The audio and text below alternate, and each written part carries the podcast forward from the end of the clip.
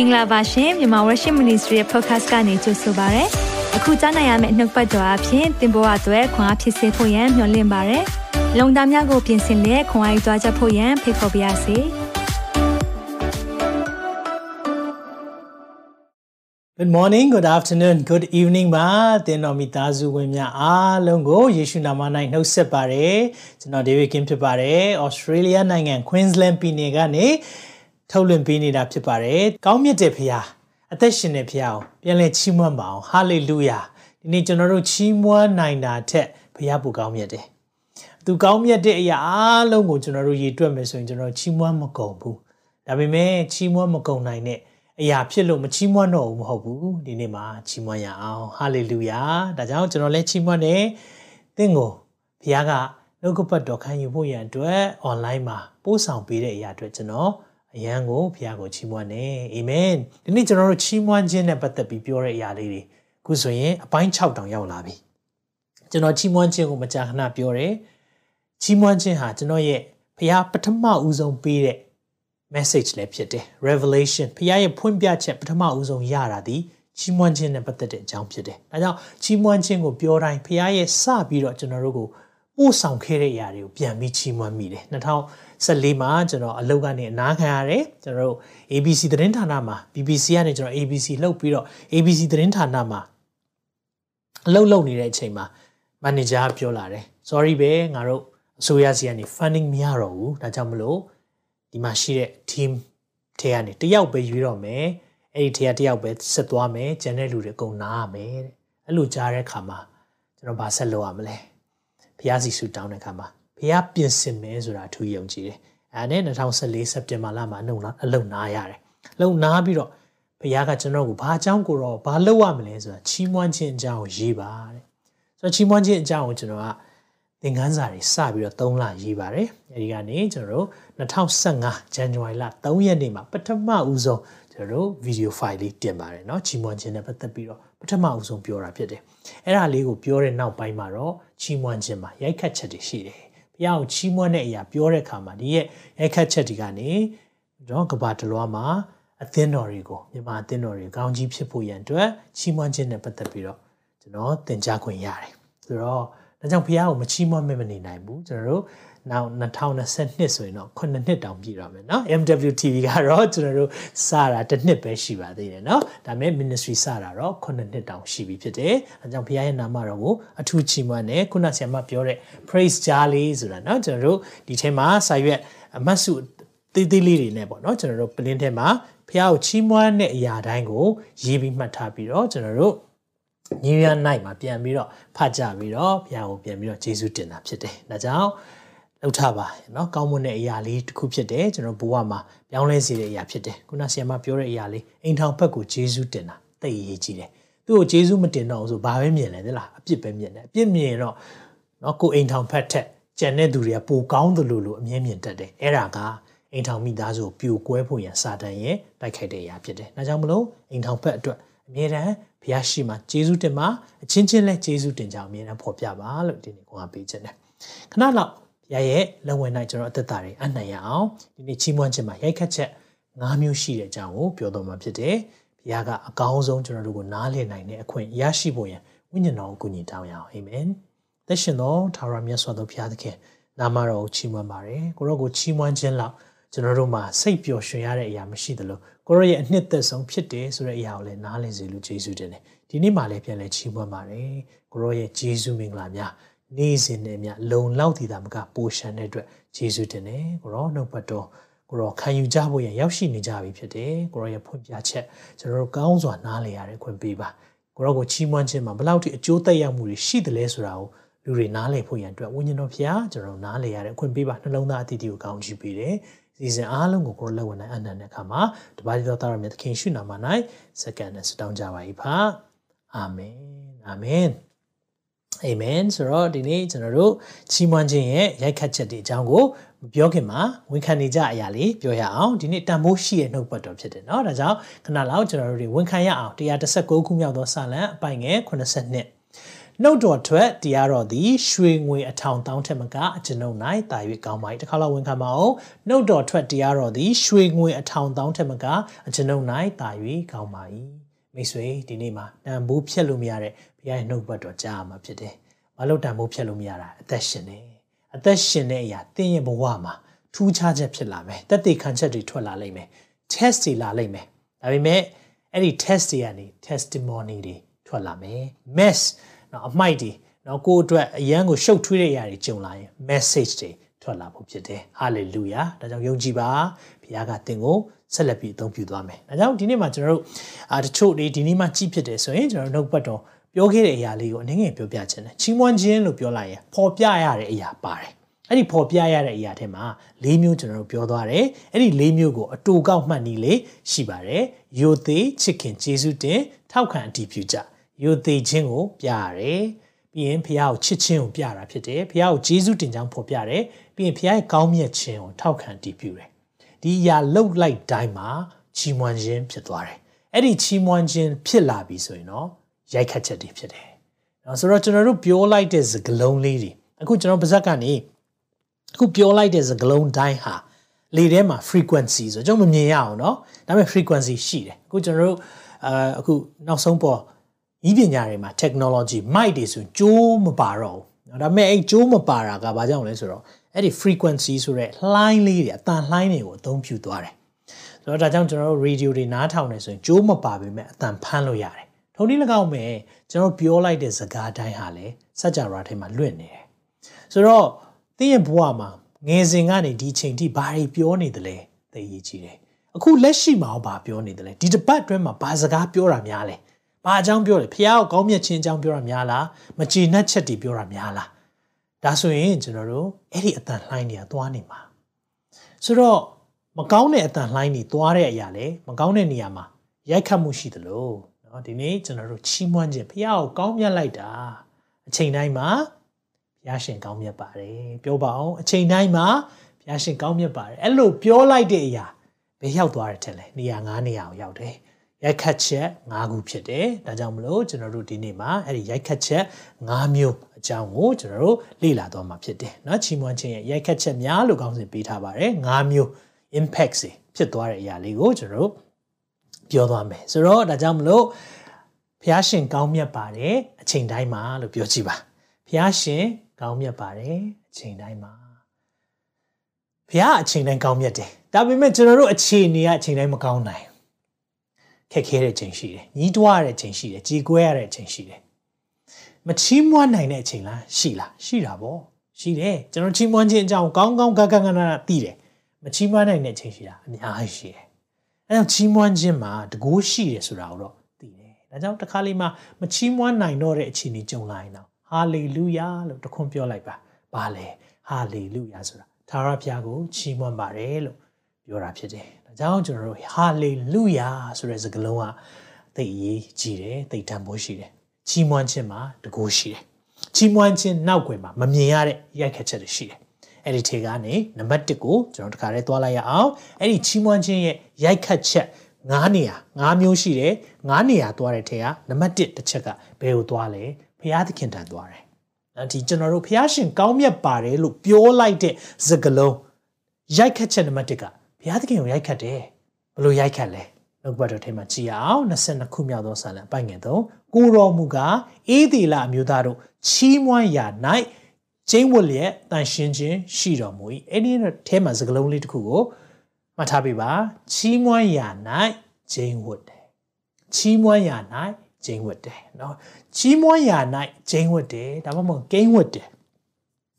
ချီးမွမ်းရာမှာဘာကြောင့်ကိန်းဝတ်တာလဲ လွယ်လွယ်လေးပါဒီနေ့ချီးမွမ်းတဲ့နေရာကိုယ့်ကိုအကောင်းပြောတဲ့နေရာကိုယ့်ရဲ့ဂုံသတင်းကိုပြောတဲ့နေရာမှာပဲလူဆိုရင်တော့ပြောတယ်ဟုတ်တယ်နော်ဆိုတော့ဘေးမှာတယောက်ယောက်နဲ့ကြည်နေဆိုဒီနေ့ထူးထူးခြားခြားအရန်လှနေပါလားလို့ပြောကြည့်ပါလားဘေးကအိကိုယ့်ရဲ့နော်မိသားစုတွေတယောက်ယောက်ရှိတယ်ဆိုပြောကြည့်ကြည့်လိုက်တော့မျက်နာလေးတွေဝင်းပြီးတော့ဘာကြောင့်လဲအဲ့လိုချီးမွမ်းခံရခြင်းကိုလူကချီးနှက်တယ်ဒီနေ့ဖះဆိုရင်လည်း तू ပေးထားတဲ့ကောင်းကြီးတွေတိတ်များတယ် အဲ့ဒီအရာတွေကိုကျွန်တော်တို့ကချီးမွမ်းခြင်းနဲ့ခြေစုတင်တဲ့နှလုံးသားနဲ့ဘုရားကိုချီးမွမ်းခြင်းဟာအဲ့ခတ်တယ်ဘုရားစိတ်လုံးသားပြောတယ်ဆိုတော့ချီးမွမ်းရ၌ခြင်းဝတ်တယ်ကျကျွန်တော်ဥပမာလေးတစ်ခုအများအားပြောတဲ့အရာလေးပေါ့နော်ဥပမာနော်လူတစ်ယောက်ကနော်ဒါမှမဟုတ်သင်ကလူတစ်ယောက်အိမ်ကိုသွားလဲတယ်နော်လို့ပြောရအောင်နော်ဆိုတော့မတွေ့ရကြပြီကိုဗစ်တွေလဲကိုနော်ကိုဗစ်တွေလဲဖြစ်တော့တယောက်နဲ့တယောက်အိမ်လဲမလဲအားကြဘူးဆိုပါစို့ နော်ဆိုတော့အခုကာလမှာတယောက်နဲ့တယောက်အိမ်လဲဖို့ခက်တယ်ဆိုတော့သွားလိုက်တဲ့အခါမှာတကားခောက်ကိုကအိမ်တကားခောက်တော့ကိုစိတ်ထဲမှာတော့ဟာဒီတယောက်ကိုမတွေ့တာရမ်းကြပြီမိတ်ဆွေတွေဆိုတော့တွေ့ကျင်တယ်ဆိုတော့တကားခောက်လိုက်တယ်သူကလည်းတကားဖွင့်ပေးတယ်ဖွင့်ပေးပြီးတော့ကိုကိုတွေ့တာနဲ့အော်နင်လာပြန်ပြီလားအော် is you နင်အောင်အဲ့လိုမျိုးပြောပြီးတော့မျက်နာကြိုဆိုတဲ့စိတ်မရှိဘူးဆိုရင်အဲ့ဒီအိမ်ကိုသင်ပြန်သွားလဲအောင်မလား မလဲတော့ဘူးမလဲချင်ဘူးဘာကြောင့်မလဲချင်လဲကို့မှမကြိုဆိုတာမဖိတ်ခေါ်တာအကောင်းကိုမပြောဩတကားဖွင့်တာနဲ့ဩနေအောင်သွားပြီအဲ့ဒီအဲ့ဒီအိမ်တော့မသွားချင်တော့ကြိုဆိုခြင်းမရှိတဲ့နေရာမှာကျွန်တော်တို့မသွားချင်ဘူးဒါလူပဲရှိသေးတယ်နော်အဲ့ဆိုဖះရောဒီဖះကနှုတ်ပတ်တော်မှာပြောလဲချီးမွမ်းရာမှာချိန်ဝတ်တယ် အဲတော့ကိုယ့်ရဲ့မိသားစုမှာဖះချိန်ဝတ်ခြင်းလိုချင်လားချီးမွမ်းပါကိုယ့်ရဲ့အိမ်ထောင်မှာဖះရဲ့ချိန်ဝတ်ခြင်းအတူပါရှိခြင်းလိုချင်လားချီးမွမ်းပါကိုယ့်ရဲ့အသင်းတော်မှာဖះရဲ့ချိန်ဝတ်ခြင်းလိုချင်လားချိန်ဝတ်တယ်ဖះအတူရှိတာ enthrone လုပ်တယ်တဲ့ enthrone လုပ်တယ်ဆိုတာလာပြီးတော့ဖះကသူ့ရဲ့ယာဇပလင်ကိုလာတည်တာအဲ့လိုလာတည်တာအဲ့လိုမျိုးလှုပ်ဖို့ရန်အတွက်သင်အလိုရှိတယ်ဆိုရင်တခုလှုပ်ဖို့လိုတယ် ဖះကိုချီးမွမ်းဖို့လိုတယ်အဲကြောင့်တစ်ခါလေးမိသားစုတွေထဲမှာ6ကတ်တယ်လို့ခံစားရတယ်တခုခုလိုနေတတ်တယ်ချီးမွမ်းခြင်းချီးမွမ်းခြင်းလိုနေတတ်တယ်အသင်းတော်တွေမှာ6ကတ်တယ်လို့ခံစားရင်ချီးမွမ်းခြင်းလိုနေတတ်တယ်အဲကြောင့်ဖះကိုချီးမွမ်းတယ်ဆိုတဲ့အရာကနှုတ်ကပတ်တော်ထဲကလာတဲ့အရာဖြစ်သလိုချီးမွမ်းတဲ့နေရာမှာပျော်တယ်ဆိုတော့ဟာဒီအိမ်သွားလဲရတာအဆင်မပြေဘူးဆိုတော့နောက်တစ်အိမ်သွားလဲတယ်တကားခောက်လိုက်တာနဲ့တကားဖွင့်တော့ဟာတငယ်ချင်းမတွေ့တာကြာပြီကွာ အယောင်တတိယနေတာနင့်ကိုအကြောင်းပဲပြောနေကြတာလာဒီမှာငါထမင်းနေဟင်းနေအများကြီးကောင်းချက်ထားတယ်လာစားအဲ့ဒီအိမ်ရောသွားလဲခြင်းလားပထမအိမ်နဲ့ဒုတိယအိမ်ဘယ်အိမ်သွားလဲခြင်းလဲဒုတိယအိမ်ပေါ့ဟာအဲ့အိမ်မှာသွားလဲခြင်းတာမဟုတ်သွားပါနေပလိုက်ခြင်းတာဘာကြောင့်လဲအရန်ကြိုဆိုတာအရန်ကိုဖိတ်ခေါ်တယ်အရန်ကိုလိုလားကြောင်းပြတာအဲ့ဒီအိမ်ကိုသွားခြင်းတယ်လွယ်လွယ်လေးကျွန်တော်တို့နားလည်ဖို့တအားလွယ်တယ်ဒါကြောင့် ဖခင်ကကိုယ့်ရဲ့မိသားစုကိုယ့်ရဲ့ဘဝကိုယ့်ရဲ့အသက်တာထဲမှာအလုံးလုံးတောင်မြင်ခြင်းတယ်ဆိုရင်မြင်များချီးမွမ်းပါအဲကြောင့်သင်ရဲ့ချီးမွမ်းခြင်းကဖခင်ကိုရိုက်ခတ်တယ်ဟာလေလုယာဟာလေလုယာအဲကြောင့်ချီးမွမ်းရမှာဂျင်းဝတ်တဲ့ဖခင်ဖြစ်တယ်အဲကြောင့်ကိုယ့်အိမ်မှာဖခင်ရဲ့ကျင်းဝတ်ခြင်းအမြဲရှိတယ်ဖခင် enthrone လုပ်တယ်เนาะဂျပန်ဘာသာပြန်ဆိုရင်เนาะဂျပန်ကျမ်းစာမှာဆိုရင်เนาะဖခင်ခုံနဲ့ထိုင်ပြီးခုံနဲ့လာထိုင်တယ်ဆိုတဲ့အဓိပ္ပာယ်မျိုးရေးထားတယ်ဆိုတော့ သူ့ရဲ့ယာဇပလင်လာတည်သွားပြီ enthrone လုပ်တယ်ဆိုတာเนาะခုံနဲ့ရောယာဇပလင်လာတည်တာဆိုတော့ဘလောက်ကောင်းလိုက်တယ်သခင်ရှိနေတဲ့နေရာမပြေဆုံးလားအဲ့လိုပြေဆုံးဖို့ဟာချီးမွမ်းရမှာချိန်ဝတ်တာအာမင်။အဲကြောင့်ဘုရားကိုမြတ်များချီးမွမ်းရအောင်သက်တာမှာအာမင်။ဒါနံပါတ်1အချက်သိအရေးကြီးဆုံးအချက်လည်းဖြစ်တယ်။ဒုတိယအချက်သင်ရဲ့ချီးမွမ်းခြင်းဟာအခြားယုံကြည်သူတွေကိုလည်းရိုက်ခတ်တယ်။ဆိုတော့သင်ဟာချီးမွမ်းခြင်းနဲ့တွားတဲ့လူဆိုရင် ယုံကြည်သူတွေရိုက်ခတ်တယ်။ယုံကြည်သူတွေရိုက်ခတ်တယ်။ဆိုတော့ကျွန်တော်ပြီးခဲ့တဲ့တစ်ခါကလည်းပြောမှုပါတယ်เนาะကျွန်တော်မြို့မှာချီးမွမ်းခြင်းမှာအာသန်တဲ့အညီကိုတယောက်ရှိတယ်။သူအမြဲတမ်းတခုခုဆိုဟာလေလုယာ။ဒါအမြဲတမ်းချီးမွမ်းတယ်တနည်းတွေ့တာနဲ့အလုတ်ရောက်တာနဲ့ဟာလေလုယာဘုရားကသူ့အလုတ်ပေးထားတာချီးမွမ်းတယ်ဆိုတော့လူတွေကသူ့ကိုဟာလေလုယာလို့ပဲသိသွားတယ်သူ့နာမည်အရင်ကိုမသိကြဘူးဟာလေလုယာလာပြီအဲနဲ့သူကလည်းဟာလေလုယာလို့ခေါ်ရင်သူကလည်းလာတယ် ် အခြားယုံကြည်သူတွေနော်ဘေးကပတ်ဝန်းကျင်မှာရှိတယ်ဟာသူသိတယ်ဟောဒီတယောက်ဟာလေလုယာသူပတ်ဝန်းကျင်မှာသူသူသူနဲ့အလုပ်လုပ်တဲ့ခါမှာစိတ်ပျော်တယ်ခြားယုံကြည်သူတွေကိုရိုက်ခတ်မှုရှိတယ်။ဘာကြောင့်လဲဆိုတော့လူတိုင်းကမလွတ်မြောက်နိုင်ဘူး။လူတိုင်းကမလွတ်မြောက်နိုင်တဲ့သူတွေဖြစ်တဲ့ခါမှာတခါလေကျွန်တော်တို့ရဲ့ချီးမွမ်းခြင်းကသူတို့ကိုလွတ်မြောက်စေတယ်။ဒါဟုတ်နှုတ်ပတ်တော်ထဲမှာလည်းကျွန်တော်တွေ့ရတယ်နော်။ဆိုတော့တခြားယုံကြည်သူတွေနော်ကျွန်တော်တို့ကအသက်ရှိတဲ့သူပေါင်း ထာဝရဘုရားကိုချီးမွမ်းဖို့ကျမ်းစာအတိအလင်းပြောထားပြီးသား။ဒါတော့150ခုမြောက်သောစာလံအဆုံးလေးပဲเนาะစာလံကျမ်းရဲ့အဆုံးသတ်ကိုဒီလိုဆုံးထားတယ်။ဒီတစ်ခွက်ပတ်ကြအောင်တင်းနေတော့အသက်ရှိသောသူအပေါင်းတို့သည်ထာဝရဘုရားကိုချီးမွမ်းကြစေ။ဟာလေလုယာ။တစ်ခေါက်လောက်ဖတ်ပါဦး။အသက်ရှိသောသူအပေါင်းတို့သည်ထာဝရဘုရားကိုချီးမွမ်းကြစေ။ဟာလေလုယာ။ဒီနေ့အသက်ရှိကြလား။အားလုံးဒီမှာအသက်ရှိကြလား။ live ကြည့်နေတဲ့လူတွေပြန်ကြည့်နေတဲ့လူတွေအသက်ရှိကြတယ်နော်ဒါဆိုဘာလုပ်ရမလဲဖះကိုချီးမွမ်းရမယ်တဲ့ ကျမ်းစာပြောတာနော်ဖះကိုချီးမွမ်းရမယ်တဲ့ဘာကြောင့်လဲဆိုတော့ကျွန်တော်တို့ရဲ့ချီးမွမ်းခြင်းဟာတခြားသူတွေကိုလည်းရိုက်ခတ်တယ်စဉ်းစားကြည့်အောင်နော်သင်ရဲ့သက်တာမှာချီးမွမ်းခြင်းနဲ့အားတန်နေဆိုရင်သင်ရဲ့ချီးမွမ်းခြင်းဟာဘေးကမလွတ်မြောက်တဲ့သူကိုလွတ်မြောက်စေတယ်ဒီကြောင့်ကျွန်တော်နှုတ်ပတ်တော်ခေါ်တဲ့အခါမှာမလေးရှားညီမငယ်တယောက်သက်သေခံတယ်ဆိုတော့သူကချီးမွမ်းခြင်းကိုအားတန်တယ်နော်ဆိုတော့အထူးသဖြင့်တချင်းဆိုခြင်းနဲ့ပေါ်ပြခြင်းတယ်ဆိုတော့ဖះကိုအမြဲချီးမွမ်းတဲ့အခါမှာသူတို့မ လေးရှားမှာဆိုရင်ကျွန်တော်စားတောက်ဆိုင်မှာအလုပ်လုပ်တဲ့အခါမှာပင်ပန်းကြတယ်စားတောက်ဆိုင်မှာလုပ်တယ်ဆိုတဲ့အရာကတထေးတွေကလည်းခိုင်းတယ်ခိုင်းတဲ့ခါမှာသူတို့အလုပ်လုပ်တဲ့ခါမှာသူကအလုပ်လုပ်တိုင်းမငြီးမညူပဲနေဘာလုပ်လို့ရှိလဲဆိုတော့ချီးမွမ်းပြီးတော့အလုပ်လုပ်တယ်တချင်းလေးမြဲဆိုပကံဆေးခိုင်းရင်လေယေရှုကြောင့်သာသရှင်သည်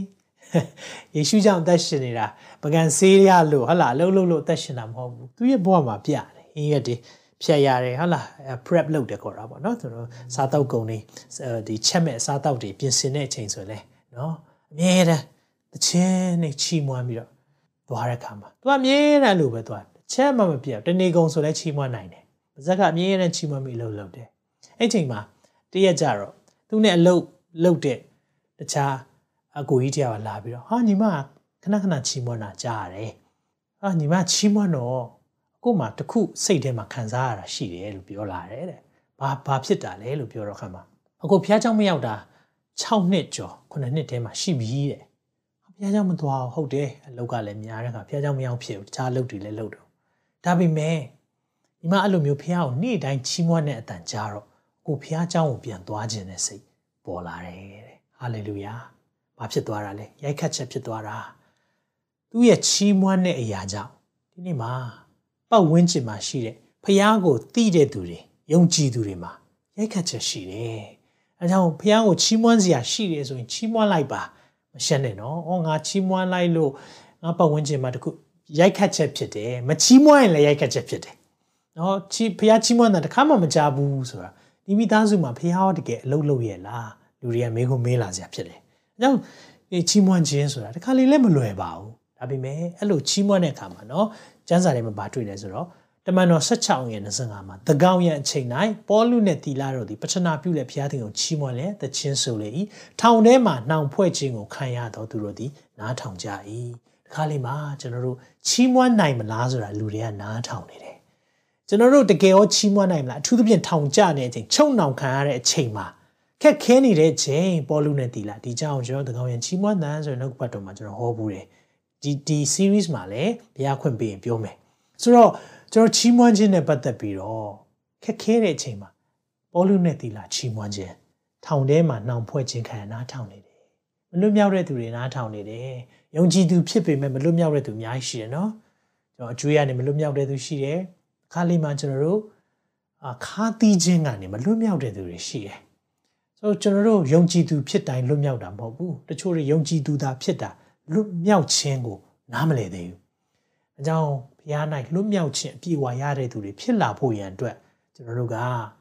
ချီးမွမ်းခြင်းဟာအထောက်အကူပြုတယ်။အဲကြောင့်မိတ်ဆွေချီးမွမ်းပါ။သင်ချီးမွမ်းတဲ့အခါမှာဘုရားကြောင့်မရောက်တဲ့သူတွေဘုရားကြောင့်ရောက်လာခြင်းလိမ့်မယ်။ဟာလေလုယာ။ဖဲကောင်းမြတ်ခြင်းပြန်တရိယာစေတယ်။အော်ဘုရားအဲ့ဒီတုန်းကလည်းပို့ဆောင်ခဲ့တယ်။အာမင်။အဲကြောင့်မလို့ကျွန်တော်တို့ရဲ့ချီးမွမ်းခြင်းဟာ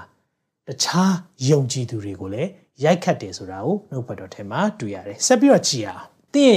ချီးမွမ်းခြင်းဟာဘသူ့ကိုရိုက်ခတ်တယ်လဲဆိုတော့ရိုက်ခတ်ရိုက်ခတ်ချက်နံပါတ်3ကမယုံကြည်သူတွေကိုရိုက်ခတ်တယ်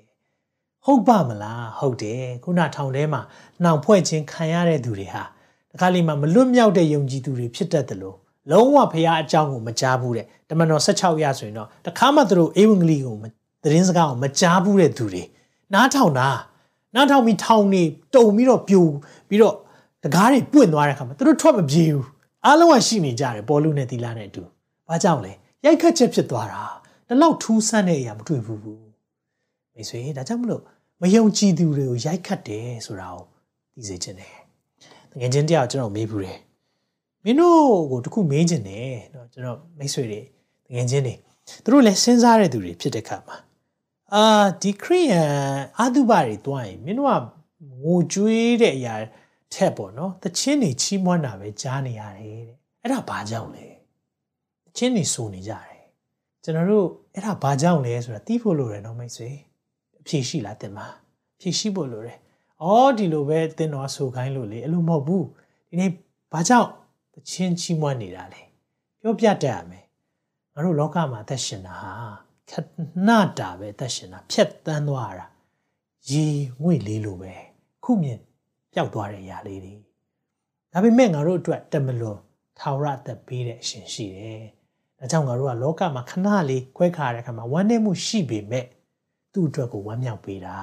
အဖြစ်ရှိရမယ်။အဲကြောင့်ချီးမွမ်းခြင်းမှာရိုက်ခတ်ချက်ရှိတယ်။မြုံကြည်သူတွေကသိကျင်တယ်။ဘာကြောင့်ခရိယန်တွေချိန်လုံးချင်းဆိုနေလဲ။ပြောနိုင်ရမယ်။ဘုရားရဲ့ဂုဏ်တော်ကိုချီးမွမ်းတာ။ဘုရားရဲ့ဂုဏ်တော်ကိုချီးမွမ်းတာ။အာမင်။အဲကြောင့်သူတို့ကျွန်တော် Sunday School လုပ်တဲ့အခါမှာနော်ဒီ Sunday School လုပ်ခြင်းကချီးမွမ်းတဲ့အခါမှာကလေးတွေရဲ့ပုံစံကိုကြည့်တဲ့အခါမှာထူးခြားမှုရှိတာကိုသိတဲ့အခါမှာဓမ္မစကူးတွေပဲဖြစ်လာတယ်။ရိုက်ခတ်ချက်ရှိတယ်။လိုက်လုပ်ခြင်းတယ်နော်အကုန်လုံးအတူယူပြီးတယ်။ဒါပေမဲ့တကယ်တော့အသက်ရှင်တဲ့ဘုရားကိုချီးမွမ်းခြင်းအတာတကူရှိတာဖြစ်တယ်။နှုတ်ဘတ်တော်ကြည်အောင်။ဒါကြောင့်ကျွန်တော်တို့ဘလို့အသက်ရှင်စေလို့လဲဘုရားကကျွန်တော်တို့ဟာတဲ့ဘာလို့ပြောလဲ။ ခရစ်တော်ရဲ့စာတဲ့ဒါလေးကိုကြည့်အောင်เนาะနှစ်ကော33မှာဒီလိုပြောပါတယ်ဘယ်တော့နိဟုမူကတင်းတို့ဒီမှင်နဲ့ရေးထားသောစာမဟုတ်အသက်ရှင်တော်မူသောဘုရားသခင်ဝိညာဉ်တော်နဲ့ရေးရ၎င်းကြောက်ပြားပေါ်၌မရေးပဲအသားနှင့်ပြည့်စုံသောနှလုံးပြားပေါ်မှာရေး၍၎င်းငါတို့ပြုစုသောခရစ်တော်၏စာထင်ရှားစွာဖြစ်ကြ၏ကျွန်တော်တို့ဟာခရစ်တော်ရဲ့စာဖြစ်တယ်လို့ကျမ်းစာထဲမှာပြောတယ်ခရစ်တော်ရဲ့စာဆိုတာ နှစ်ဖူးပေါ်မှာရေးထားတာမဟုတ်ဘူးကျွန်တော်ခရစ်ယာန်ပါကျွန်တော်ဒီခရစ်ယာန်ဖြစ်တယ်အဲ့လိုရေးတာမဟုတ်ဘူးเนาะဒီနေ့ခရစ်ယာန်ဆိုတဲ့စကားလုံးလေးပေါ်လာတဲ့အရာလေးကိုနည်းနည်းပြောပြချင်တယ်တကယ်တော့ခရစ်ယာန်ဆိုတာအာ little christ ခရစ်တော်သေးသေးလေးတွေเนาะ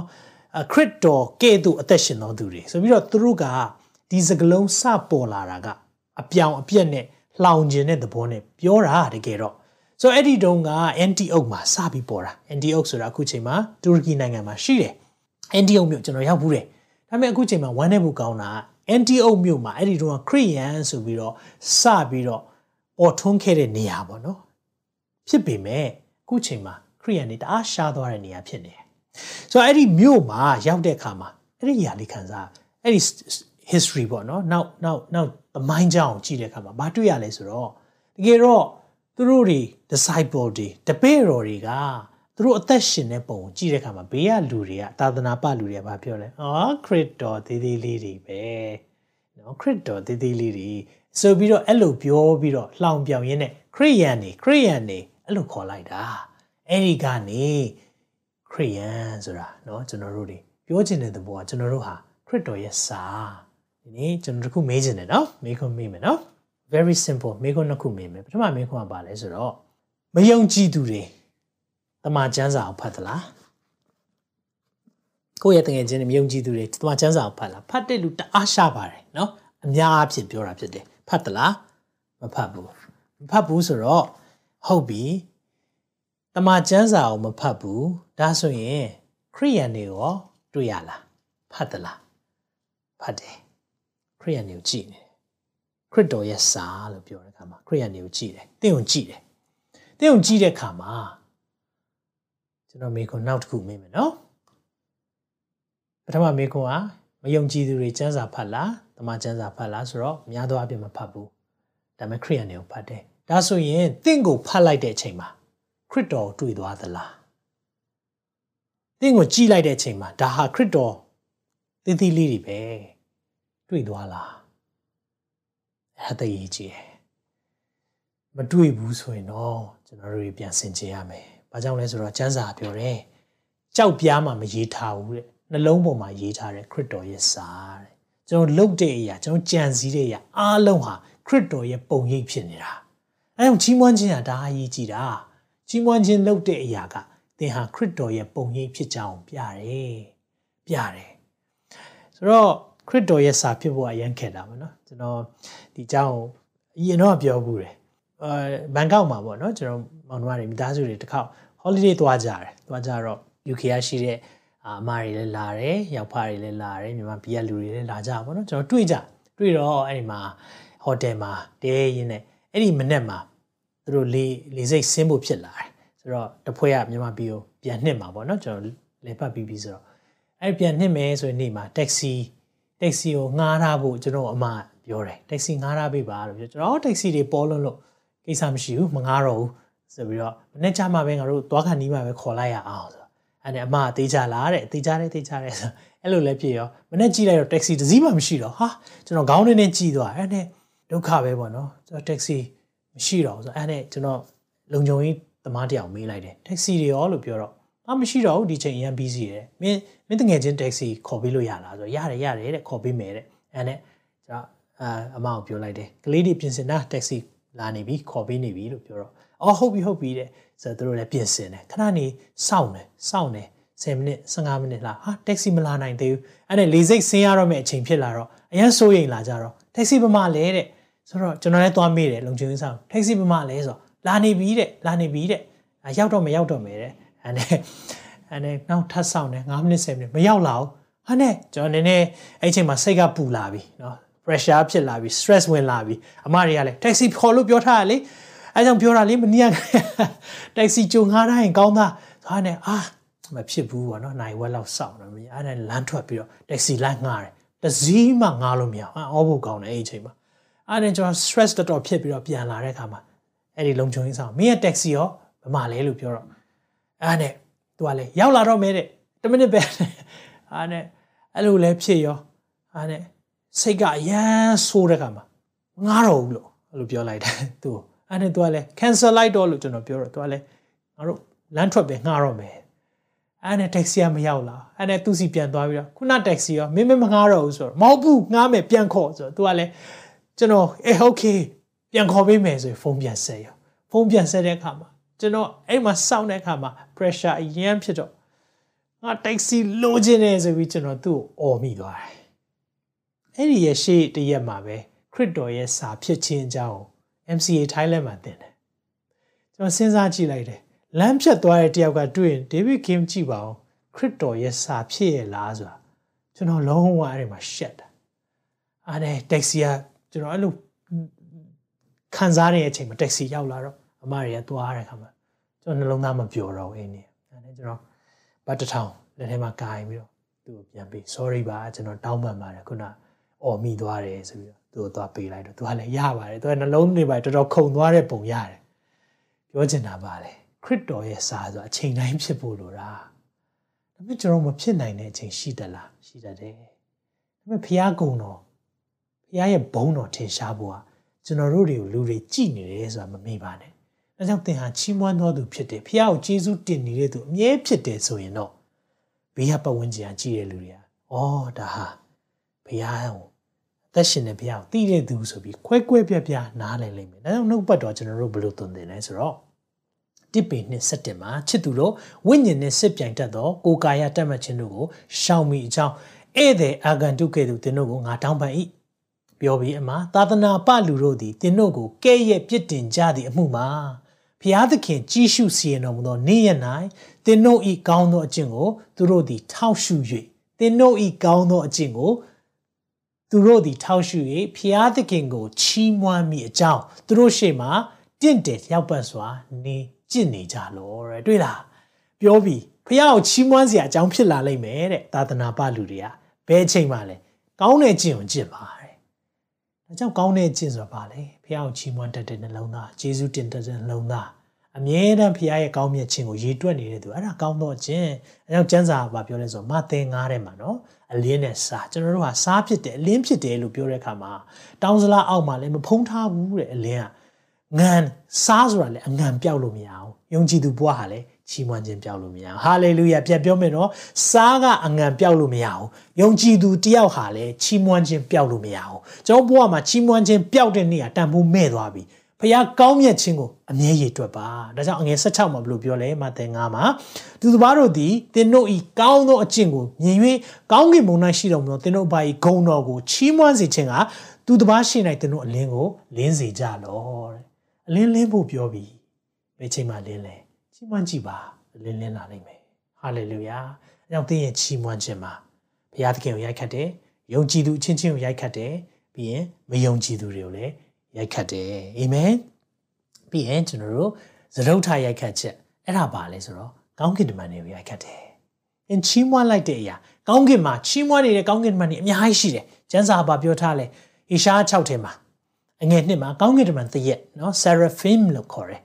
နော် seraphim cherubim ကြတော့အမျိုးအစားပေါ့နော်ကောင်းကင်တမန်အမျိုးအစားတွေထဲမှာ cherubim ကကာကွယ်လုပ်တဲ့ဟာပေါ့နော်မီဆက်လက်နဲ့တွေကင်ပြီးတော့အေဒင်ဥယျာဉ်ကိုစောင့်ရှောက်တာတော့သူတို့ဟာကာကွယ်လုပ်တဲ့သူဖြစ်တယ်ကောင်းကင်တမန်တရက် Seraphim ကြတော့ချီးမွမ်းတဲ့ကောင်းကင်တမန်တွေကိုးကွယ်တဲ့ကောင်းကင်တမန်တွေသူတို့ဘာပြောလဲသူတို့အတောင်6ခုရှိတယ်တဲ့နှစ်ခုနဲ့ပြန်တယ်နှစ်ခုနဲ့မျက်နှာအုပ်တယ်နှစ်ခုနဲ့ခြေအုပ်ပြီးတော့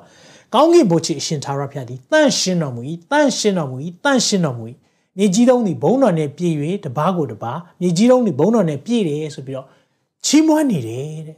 ထို့သောသောကြွေးကြော်ကြောင့်နောက်ဆုံးကြောင်းလေးကိုတူတူဖတ်ကြည့်အောင်ထို့သောသောကြွေးကြော်တန်ကြောင့်တကတိုင်တို့သည်လှုပ်ရှား၍မိโก้နဲ့တအိမ်လုံးပြည့်လေ၏ကောင်းကင်တမန်နေချီးမွမ်းတဲ့အခါမှာကောင်းကင်တိုင်နေတုံနေတဲ့တန့်ရှင်တန့်ရှင်တန့်ရှင်သူတို့ဒီအကြောင်းပဲပြောနေတာတန့်ရှင်တန့်ရှင်တန့်ရှင်ဒီသချင်းကိုဆိုနေတာကဘာမနော်သူတို့စဖန်စင်းတဲ့ချိန်ကလေးဟုတ်တယ်နော် တန့်ရှင်တန့်ရှင်တန့်ရှင်သူတို့ဒါအကြောင်းပဲဆိုနေတာမိတ်ဆွေအဲ့ဒီသချင်းပဲတန့်ရှင်တန့်ရှင်တန့်ရှင်တန့်ရှင်တန့်ရှင်တန့်ရှင် holy holy holy god almighty holy holy holy god almighty ဒါပဲချီးမွမ်းနေတာဒါဆိုရင်ကောင်းကင်တမန်နေဘယ်လိုရိုက်ခတ်လဲမိတ်ဆွေကောင်းကင်တမန်ရိုက်ခတ်တဲ့နည်းလမ်းရှိတယ်ကောင်းကင်တိုင်တုံတယ်ဆိုသူတို့ချီးမွမ်းတဲ့ဟာအရန်ပြင်းထန်တယ်ကျွန်တော်ချီးမွမ်းတာကြတော့ တခါလေကျွန်တော်တို့ကချီးမွမ်းဖို့တောင်ရှက်တတ်တယ်မဖြစ်ရအောင်ဒီနေ့ကောင်းကင်တိုင်တုံတယ်တန့်ရှင်เนาะကျွန်တော်ဟိုလူများတဲ့နေရာဆိုရင်ကျွန်တော်အမြဲတမ်းဥပမာပေးတာလေးရှိတယ်ဒီမှာတော့เนาะအင်တာနက်ဖြစ်တဲ့ခါမှာဥပမာလေးပြဖို့ခက်တာပေါ့เนาะကျွန်တော်ရှေ့မှာကျွန်တော်မာကာလေးရှိတာပေါ့เนาะအဲ့ဒီမာကာကိုကျွန်တော်ကနော်တန့်ရှင်လို့អော်ကြည့်မယ်နော်ဆိုတော့တန့်ရှင်၃ခါអော်မယ်ဆရာမလည်းကူអော်ပေးပါနော်တစ်နှစ်သုံးတန့်ရှင်တန့်ရှင်တန့်ရှင် ကောင်းကင်တိုင်မပြောနဲ့ကျွန်တော်ရှေ့မှာဒီတိုင်းလေးချထားတဲ့တိုင်လေးတော့မတုံလဲသွားဘူးဆိုတော့ကောင်းကင်မှာဘလောက်ချီးမွမ်းလဲသင်မြင်သွားလားအရန်ချီးမွမ်းတာသူတို့ချီးမွမ်းတဲ့အတန်အရန်ကျေလောင်တယ်ဒါပေမဲ့ကောင်းကင်တမန်တွေမချီးမွမ်းနိုင်တဲ့သချင်းရှိရသေးလားကောင်းကင်တမန်တွေဆိုလို့ဆိုရင်အတိတ်ပဲမရှိတဲ့သချင်းရှိတယ်ဒီနေ့ကောင်းကင်တမန်တွေမဆိုနိုင်တဲ့သချင်းဆိုတာရှိတယ်မဆိုနိုင်ဘူးဆိုတာစာသားအနေနဲ့တော့ဆိုလို့ရတယ် သူတို့အတွက်အတိတ်ပဲမရှိဘူးဆိုတော့ဘာကိုပြောတာလဲရှင်းပြခြင်းတယ်ဒီနေ့ဒီຢာလေးကကျွန်တော်ချီးမွမ်းဖို့ရန်အတွက်လေအမြဲတမ်းအမြဲတမ်းခွန်အားဖြစ်စေတယ်။ကောင်းကင်တမန်နေဖျားရှိမှအမြဲတမ်းနေခွင့်ရတယ်ချီးမွမ်းတယ်။ဒါပေမဲ့သူတို့ဆိုလို့မရတဲ့ချင်းသင်နဲ့ကျွန်တော်ဆိုလို့ရတာရှိတယ်။နည်းလေးပေါ့နော်ဖန်ဆင်းခြင်းပိုင်းလေးကိုပြန်သွားရအောင်။ဆိုတော့ဖျားအရာအလုံးဖန်ဆင်းတဲ့အခါမှာကောင်းကင်တမန်ကိုဖန်ဆင်းတဲ့အခါမှာသူတို့မျက်လုံးနှလုံးဖွင့်တော့ဘသူ့ကိုတွေ့တယ်ထင်တယ်။သူမျက်လုံးနှလုံးဖွင့်တော့ ဖျားကိုတွေ့တာ။ကြီးမြတ်ခြင်းပြည့်စုံခြင်းအရာအားလုံးရဲ့တန့်ရှင်းခြင်းကိုတွေ့တာတကူကြီးခြင်းကိုတွေ့တာအဲ့လိုတွေ့တဲ့အခါမှာဗဇက်ပိတ်လို့မရအောင်တန့်ရှင်းတန့်ရှင်းတန့်ရှင်းဘုရားရဲ့ကြီးမြတ်ခြင်းတွေ့တဲ့အခါမှာချီးမွမ်းတာဒီနေ့ကျွန်တော်မွေးတော့မျက်လုံးဖွင့်တော့မတွေ့တယ်နော်ကျွန်တော်အခုချိန်မှာမျက်လုံးဖွင့်တော့ဘုရားအောင်မတွေ့ဘူးလေခက်ခဲခြင်းတွေပဲတွေ့တယ်ဟုတ်လားအာဒီနေ့လှုပ်သွားရအောင်မယ်စသဖြင့် ဒါပေမဲ့သင်သိလားကျွန်တော်ဆိုလို့ရခြင်းတစ်ပုတ်ရှိတယ်ကောင်းကင်တမန်နေဆိုလို့မရတဲ့ချင်းအဲ့ဒါပါလေသူတို့ဟာလေဆိုလို့ရတယ်တခြင်းတွေအများကြီးဆိုတယ်တန်ရှင်းခြင်းဆိုတယ်ဒါပေမဲ့သူတို့ဆိုလို့မရတဲ့ခြင်းတစ်ပုတ်ရှိတယ်အဲ့ဒါအသွေးတော်ရဲ့တကူခရစ်တော်ရဲ့အသွေးတော်နဲ့ရွေးဝယ်ထားတာကျွန်တော်တို့လူသားတွေကောင်းကင်တမန်တွေကသူတို့ကိုခရစ်တော်ရဲ့အသွေးတော်နဲ့ရွေးဝယ်ထားတော်သူမဟုတ်ဘူးအဲကြောင့်ကျွန်တော်တို့ကလေအသွေးတော်နဲ့ပတ်သက်တဲ့ဟာ ငါအပြည့်စွန်စေအငါရှင်ယေရှုအသွေးတဆွမ်းလေကျွန်တော်ဆိုလို့ရတယ်ကောင်းကင်တမန်တွေချင်းလိုက်ဆိုလို့မရဘူးဟာလေလုယာကြည့်အောင်နော်ကျွန်တော်တို့ရိုက်ခတ်ချက်ကျွန်တော်တို့ချီးမွမ်းလိုက်တဲ့ခါမှာကောင်းကင်တမန်တွေတော့ဝေါအသွေးတော်တကူသူတို့နားမလည်နိုင်ဘူးဒါကိုပြောမယ်ဆိုရင်သူတို့ကလေဖះကိုမြင်လို့ယုံတာကျွန်တော်တို့ဖះကိုမမြင်ဘူးဘူးဒါပေမဲ့ယုံတယ် မမြင်ဘဲနဲ့ယုံတော်သူပါရင်မင်္ဂလာရှိတယ်ဟာလေလုယာဒီသောမတ်ကိုဖခင်ပြောလိုက်တယ်သောမတ်ကခရစ်တော်ရှင်ပြန်ထမြောက်တဲ့အခါမှာဟာအားလုံးကပြောကြပြီခရစ်တော်ရှင်ပြန်ထမြောက်တယ်မယုံငါကိုယ်တိုင်တွေ့မှယုံမယ်နဘေးကိုကင်ကြီးမှရမယ်လက်အနာကိုကင်ကြီးမှယုံမယ်ရှေ့ရကြတဲ့အချိန်မှာသခင်ယေရှုပြန်ပေါ်လာတယ်သောမတ်လာကင်ကြီးပါကင်ကြီးတဲ့အခါမှာဒူးထောက်ကျသွားပြီးတော့ ကျွန်ုပ်သခင်ကျွန်ုပ်ဖခင် my lord my god ဖခင်ဖြစ်ဝန်ခံသွားတယ်အရင်တော့ lord သခင်အနေနဲ့ပဲဒါပေမဲ့ my god အဲ့ဒီမှာပြန်ပြောလိုက်တယ် Thomas ကို Thomas မြင်မှယုံတာတဲ့မမြင်ဘဲယုံတော်သူတာ၍မင်္ဂလာရှိတယ် hallelujah အဲကြောင့်မိတ်ဆွေကျွန်တော်တို့ကောင်းကင်တမန်တွေဖခင်ကိုချီးမွမ်းတာသူတို့မြင်နေရတယ်ဒါပေမဲ့ကျွန်တော်တို့မမြင်ရဘူးခက်ခဲတယ်ကြက်တဲတယ်လောကရဲ့ ဖြီးစည်းမှုဂျားတဲ့ကနေဖခင်ကောင်းမြတ်ခြင်းကိုချီးမွမ်းတယ်အထူးသဖြင့်အသွေးတော်ရဲ့ကယ်တင်ခြင်းအကြောင်းကိုချီးမွမ်းတာကောင်းကင်တမန်တွေကိုရိုက်ခတ်ချက်ရှိတယ်ဟာလေလုယာသူတို့မဆိုနိုင်တဲ့ခြင်းတင်နဲ့ကျွန်တော်ဆိုလို့ရတယ်။ဘာကြောင့်မဆိုရမှာလဲ။အာမင်။တန်ရှင်တဲ့အသွေးတော်ရဲ့တကူအာမင်။ကျွန်တော်ကိုရွေးနှုတ်တာဒီနေ့ကျွန်တော်ရဲ့ကြင့်ကြံမှုလုံးဝမဟုတ်ဘူး။စူးစမ်းမှုလုံးဝမဟုတ်ဘူး။ကျွန်တော်ရဲ့ကုသိုလ်လုံးဝမဟုတ်ဘူး။ခရစ်တော်ရဲ့အသွေးတော်ရဲ့တကူဖြစ်တယ်။အာမင်။ ဟာလေလုယာအသွေးမသွန်းလောင်းပဲအပြစ်လွတ်ခြင်းမရှိ။အသွေးမသွန်းလောင်းပဲအပြစ်လွတ်ခြင်းမရှိ။အဲကြောင့်ကောင်းကင်တမန်အသွေးတော်နဲ့ပတ်သက်တဲ့တခြင်းမြများချီးမွမ်းရအောင်ငါအပြစ်စွန်စေအငါဆိုကြည့်ပါဦးရှင်ယေရှုအသွေးတဆွမ်းလေငါကိုချမ်းမစေဖို့ရာရှင်ယေရှုအသွေးတဆွမ်းလေအိုးမြတ်လာစီတော် သွေးမိုးပွင့်လို့ဖြူစင်စေအခြားဆိုင်ရှာမတွေ့ရှင်ယေရှုအသွေးတဆွမ်းလေဟာလေလုယာမိတ်ဆွေဒီသချင်းမျိုးချီးမွမ်းလိုက်ကောင်းကင်တမန်တော်မဆူနိုင်တဲ့သချင်းမျက်မှောက်တော်ထဲမှာ29 24နာရီ9ရက်နေနေရတဲ့သူတွေတောင်မဆိုနိုင်တဲ့တခြင်းတင်နဲ့ကျွန်တော်ဆိုခွင့်ရှိတယ်ချီးမွမ်းပါချီးမွမ်းပါဘုရားရဲ့ကောင်းမြတ်ခြင်းကိုမြတ်မြတ်ချီးမွမ်းရအောင်ဟာလေလုယာတဲ့အဲ့လိုချီးမွမ်းတဲ့အခါမှာနောက်ဆုံးရိုက်ခတ်တဲ့အရာဘသူ့ကိုရိုက်ခတ်သေးလဲသိလားစာတန်ကိုလည်းရိုက်ခတ်တယ်ခုနပြောတဲ့အသွေးတော်မန္တာဘောဗျာဒိတ်စနစ်30မှာကောင်းကင်ဘုံ၌ကြီးသောအတန်ကယခုမှကယ်တင်ခြင်းဖြစ်၏တကူတော်လည်းဖြစ်၏ငါတို့ ဖျားသခင်နိုင်ငံတော်နဲ့သူ၏ခရစ်တော်၏အာနာတော်ဇက်လည်းဖြစ်အကြောင်းမူကားငါတို့ညီကိုများကိုငါတို့ဖျားသခင်ရှေ့တော်၌နေညမပြတ်အပြစ်တင်သောရန်သူကိုအောက်သို့ချပြီးဒီကြောင့်ပြီးခဲ့တဲ့သင်ခန်းစာတော့အကြီးကျယ်ပြောခဲ့တယ်စာတန်ဆွဆွဲလိုက်မယ်သင်ကိုဖျားရှိမှပဲဆွဆွဲနေတာတဲ့ကောင်းကင်တရားယုံလာလို့ရတယ်ယောဘတစ်ထဲမှာရှိတယ်နော်ဆိုတော့ကောင်းကင်ဖျားရဲ့မျက်မှောက်တော်ထဲမှာ तू လာခွင့်ရှိလားကောင်းကင်တရားယုံထိ तू လာလို့ရတယ်သူတို့သည်တိုးတငယ်ရဲ့အသွေးအဖြစ်၎င်းဟာလေလုယာဒါကြောင့် ဖခင်ရဲ့အသွေးတော်တကူတိုးတငယ်အသွေးဆိုတာယေရှုခရစ်ရဲ့အသွေးတော်ကိုပြောတာဖြစ်တယ်မိမိတို့သက်သေခံချက်နှုတ်ကပတ်တရားဒါကြောင့်အရင်ဘက်ကပြောတယ်တမန်တရားကိုပြောပါယေရှုငါ့ကိုသိတ်ချစ်တယ်အဲ့ဒါတမန်တရားဖခင်ငါ့ကိုသိတ်ချစ်တယ်သားတော်ကိုစွန့်နေတိုင်လောကီသားကိုချစ်တယ်အဲ့ဒါတမန်တရားဖြစ်တယ် ဖခင်ရဲ့အသက်သေခံခြင်းနှုတ်ကပတ်တော်ဆိုတနည်းအားဖြင့်ချီးမွမ်းခြင်းစကားဖခင်ကိုကောင်းမြတ်ခြင်းဖခင်သခင်ဒီကောင်းမြတ်တော်မူ၍ဂရုဏာတော်အစဉ်မြဲတည်သောကြောင့်ဂုဏ်ကျေးဇူးတော်ကိုချီးမွမ်းတယ်အဲ့ဒါတမန်တရားနှုတ်တော်တဲ့စကားနဲ့သက်သေခံချက်တွေဒီအရာပြောတဲ့အခါမှာစာတန်ကိုနိုင်တယ်အကြောင်းစာတန်ကတော့ဆွဆွဲမယ်မင်းဟာမိတ်ဆွေတောင်မရှိတဲ့သူဖြစ်တယ်ဖခင်ချီးမွမ်းလိုက်ပါကိုရောကိုရောကျွန်တော်ရဲ့ အဆွေဖြစ်တယ်ဟာလေလုယာဘေးကနေပြောတယ်မင်းဟာဘယ်တော့မှပြောင်းလဲမဲ့ကောင်မဟုတ်ဘူးပြန်ပြီးတော့ဖះကိုဒီနေ့မှချီးမွမ်းလိုက်တဲ့အခါမှာလူမီဒီကခရစ်တော်နဲ့ရှိလေအသစ်ပြုပြင်သောတတ်တော်ဟောင်းသောရာတို့ဒီပြောင်းလဲခတ်သိမ်းသောရာအသစ်ဖြစ်ပဲမိတ်ဆွေတွေ့လားဒီရဲ့ချီးမွမ်းခြင်းစာတန်ပါဇက်ပိတ်နေရနိုင်မယ်ခိုးမယ်တတ်မယ်ဖြက်စီးမယ်အမြဲတမ်းလှုပ်တဲ့သူ24နာရီ9ရက်သင်ကိုဆွဆွဲလိုက်မယ်ချီးမွမ်းပါသင်ရဲ့ချီးမွမ်းလိုက်တဲ့အရာ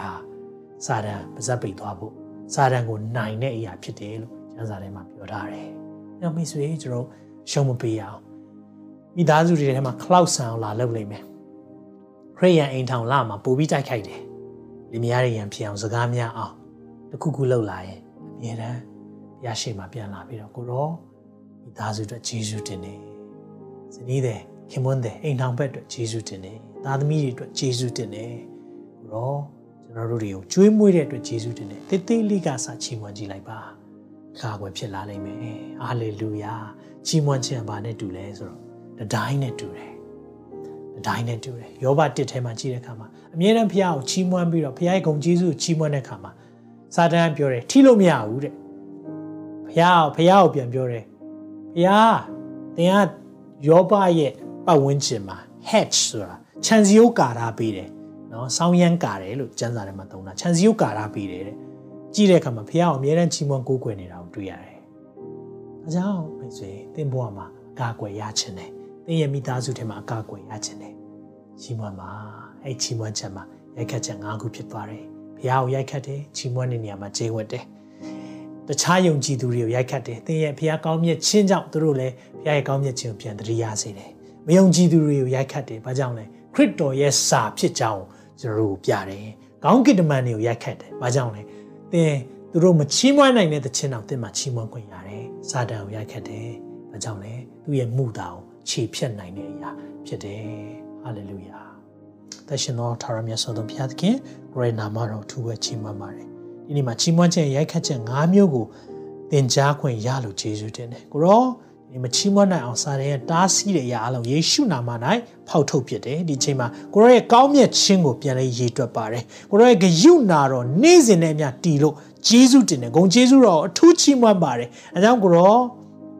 ကျွန်တော်တို့ကိုချီးမွမ်းခြင်းရဲ့ရိုက်ခတ်ချက်၅မျိုးအကြောင်းတာ၍အသက်တာမှာထင်ရှားပါမိအကြောင်းကျွန်တော်ချီးမွမ်းခြင်းကိုဒီနေ့ရွေးချယ်ပါတယ်ချီးမွမ်းခြင်းကကျွန်တော်ရဲ့အသက်တာကိုကိုရောကာထားပေးတဲ့တတိုင်းကဲ့သို့ အကာအကွယ်ဖြစ်စေလို့လည်းယေရှုတင်တယ်ချီးမွမ်းခြင်းကကျွန်တော်မိသားစုသူသဖြင့်အိမ်ထောင်တွေကိုအကာအကွယ်ပေးတဲ့အရာဖြစ်လို့ယေရှုတင်တယ်အဲကိုရောချီးမွမ်းခြင်းနဲ့ကိုရောရှိမှတိုးဝင်ပါတယ်ယေရှုတော်ချီးမွမ်းခြင်းရစ်ကိုပူဇော်တော်သူဟာငါရဲ့ဘုန်းကိုထင်ရှားစေတဲ့သူဖြစ်တယ်ဆိုတဲ့အတိုင်းကိုရောဘုန်းတော်နာမတော်ချီးမွမ်းခြင်းကြောင့်ထင်ရှားပါမိကြောင်းကိုရောပို့ဆောင်ပါဒီရဲ့နှုတ်ပတ်တော်ဒီနေ့ကြားကောင်းတဲ့အရာမဟုတ်ဘူးကိုရောဒီနေ့အသက်တာမှာအကျင့်အဖြစ် ပြောင်းလဲနိုင်ဖို့ရန်အတွက်ဝိညာဉ်တော်ဖျားမဆာတဲ့ကောင်းကြီးပေးပါချီးမွမ်းခြင်းအသက်တာနဲ့နေ့စဉ်နဲ့မြတ်ကိုရောရှေ့မှာတိုးဝင်တော်သူများဖြစ်စေပါမိကြောင်းတပါးတိသောသားရမြတ်သခင်ယေရှုနာမ၌စက္ကန့်နဲ့ဆုတောင်းကြပါ၏ပါအာမင်အာမင်အာမင်ဖျာရှင်ကအထူးကောင်းကြီးပေးပါစေနော်ဒီနေ့ချီးမွမ်းခြင်းဟာတည်ရည်ကြီးရရာဖြစ်တဲ့မိသားစုရဲ့ချီးမွမ်းတံများ မရက်သွားပါနဲ့เนาะအာမင်ဒီကောင်းကြီးပေးခြင်းနဲ့အဆုံးသတ်ခြင်းပါတယ်ဒါရဖျားသည်တင်ကိုကောင်းကြီးပေး၍ဆောင်မတော်မူပါစေသောဒါရဖျားသည်တင်၌မျက်နာတော်အလင်းကိုလွှတ်၍ကိယူနာဂျေဇုပြုတော်မူပါစေသောဒါရဖျားသည်တင်ကိုမြှုပ်ကြည့်၍ချမ်းသာပေးတော်မူပါစေသောလူတွေရဲ့ကြံစည်မမိနိုင်တဲ့ဖျားရဲ့ငြိမ်သက်ခြင်းဝမ်းမြောက်ခြင်းပျော်ရွှင်ခြင်းများချီးမွမ်းခြင်းတကူများသက်တာမှာတာ၍ခံစားပါစေခင်ရှုနာမ၌ဆုတောင်းကောင်းကြီးပေးပါရယ် အလုံး God bless you all နောက်ထုတ်လွှင့်ချက်မှာပြန်လည်ဆုံတွေ့ပါအောင်မယ်အာမင်တင်ခုလိုနာဆင်ခွန်အားနိုင်ခြင်းဟာမြန်မာ Worship Ministry ကိုလာဆင်ပန်ပိုးနေကြတဲ့ Kingdom Partners များအကြောင်းဖြစ်ပါတယ်။ဖျားခင်နိုင်ငံတော်ကျယ်ပြန့်ရေးအတွက်လာဆင်ပေးကမ်းပောင်းဖို့ရန်ဖိတ်ခေါ်လိုပါတယ်ရှင်။